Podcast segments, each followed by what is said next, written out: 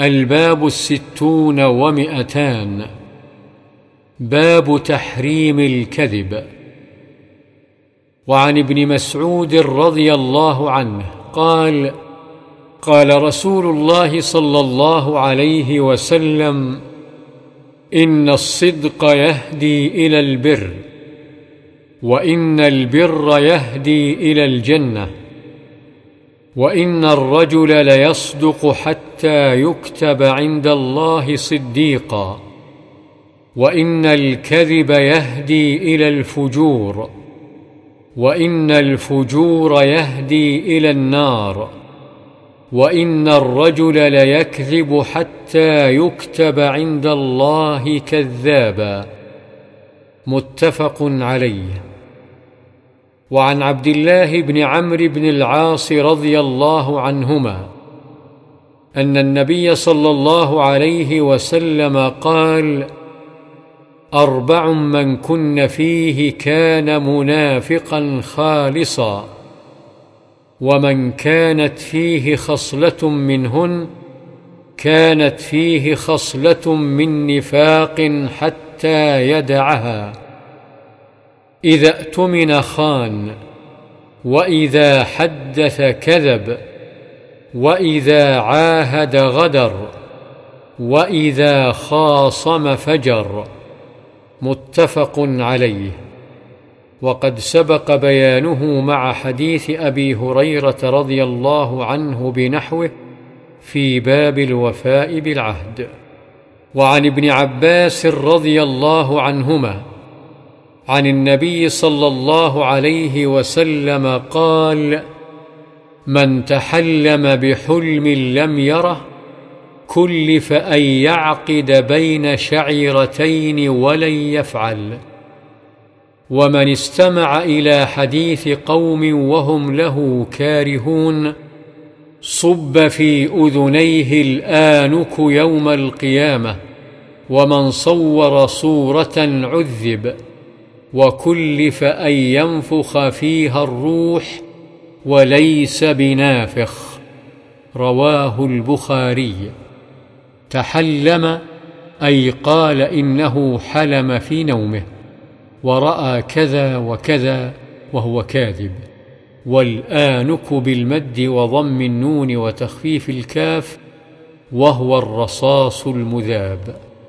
وعن ابن عمر رضي الله عنهما قال قال النبي صلى الله عليه وسلم افرى الفرى أن يري الرجل عينيه ما لم تريا. رواه البخاري. ومعناه يقول رأيت فيما لم يره. وعن سمرة بن جندب رضي الله عنه قال كان رسول الله صلى الله عليه وسلم مما يكثر أن يقول لأصحابه هل رأى أحد منكم رؤيا؟ فيقص عليه من شاء الله أن يقص. وإنه قال لنا ذات غداه إنه أتاني الليلة آتيان. وإنهما قالا لانطلق واني انطلقت معهما. وإنا أتينا على رجل مضطجع. وإذا آخر قائم عليه بصخرة. وإذا هو يهوي بالصخرة لرأسه. فيثلغ رأسه. فيتدهده الحجر ها هنا.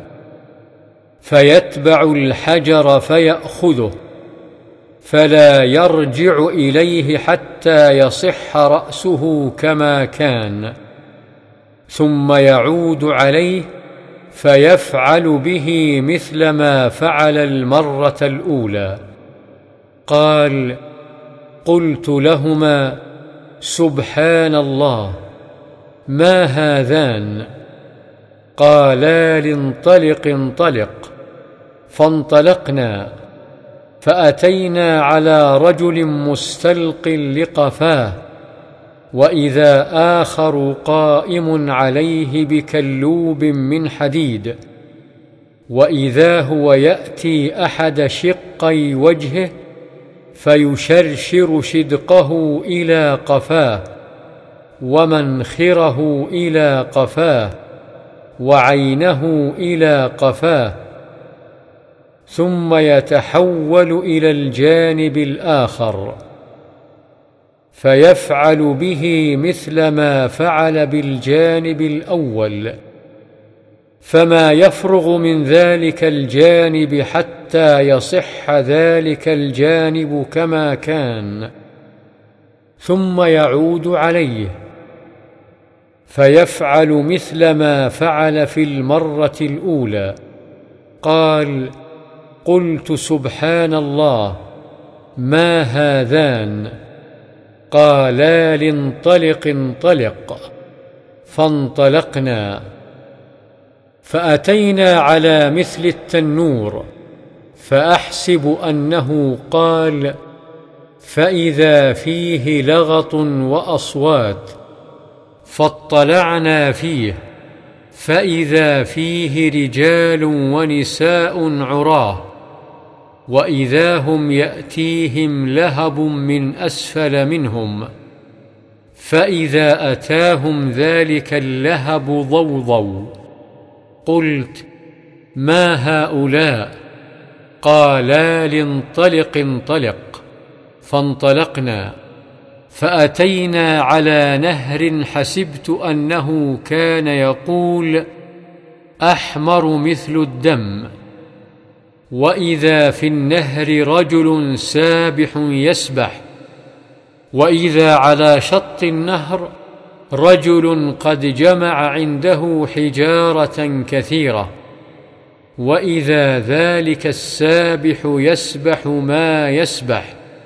ثم يأتي ذلك الذي قد جمع عنده الحجارة فيفغر له فاه فيلقمه حجرا فينطلق فيسبح ثم يرجع إليه. كلما رجع إليه فغر له فاه فألقمه حجرا. قلت لهما ما هذان؟ قالا لانطلق انطلق فانطلقنا فأتينا على رجل كريه المرآة أو كأكره ما ان ترائي رجلا مرأى فإذا هو عنده نار يحشها ويسعى حولها قلت لهما ما هذا؟ قالا لانطلق انطلق. فانطلقنا فأتينا على روضة معتمة فيها من كل نور الربيع وإذا بين ظهري الروضة رجل طويل لا أكاد أرى رأسه طولا في السماء. وإذا حول الرجل من أكثر ولدان ما رأيتهم قط قلت ما هذا وما هؤلاء قالا لانطلق انطلق فانطلقنا فأتينا إلى دوحة عظيمة لم أر دوحة قط أعظم منها ولا أحسن قالا لارق فيها فارتقينا فيها إلى مدينة مبنية بلبن ذهب ولبن فضة فأتينا باب المدينة فاستفتحنا ففتح لنا فدخلناها فتلقانا رجال شطر من خلقهم كأحسن ماء تراء وشطر منهم كأقبح ماء تراء. قال لهم اذهبوا فقعوا في ذلك النهر. وإذا هو نهر معترض يجري كأن ماءه المحض في البياض. فذهبوا فوقعوا فيه. ثم رجعوا إلينا قد ذهب ذلك السوء عنهم فصاروا في أحسن صورة. قال قالا لي هذه جنة عدن وهذاك منزلك فسمى بصري صعدا فإذا قصر مثل الربابة البيضاء قالا لي هذا منزلك. قلت لهما بارك الله فيكما فذراني فأدخله. قال أما الآن فلا وأنت داخله. قلت لهما فإني رأيت منذ الليلة عجبا. فما هذا الذي رايت؟ قالا لي إنا سنخبرك.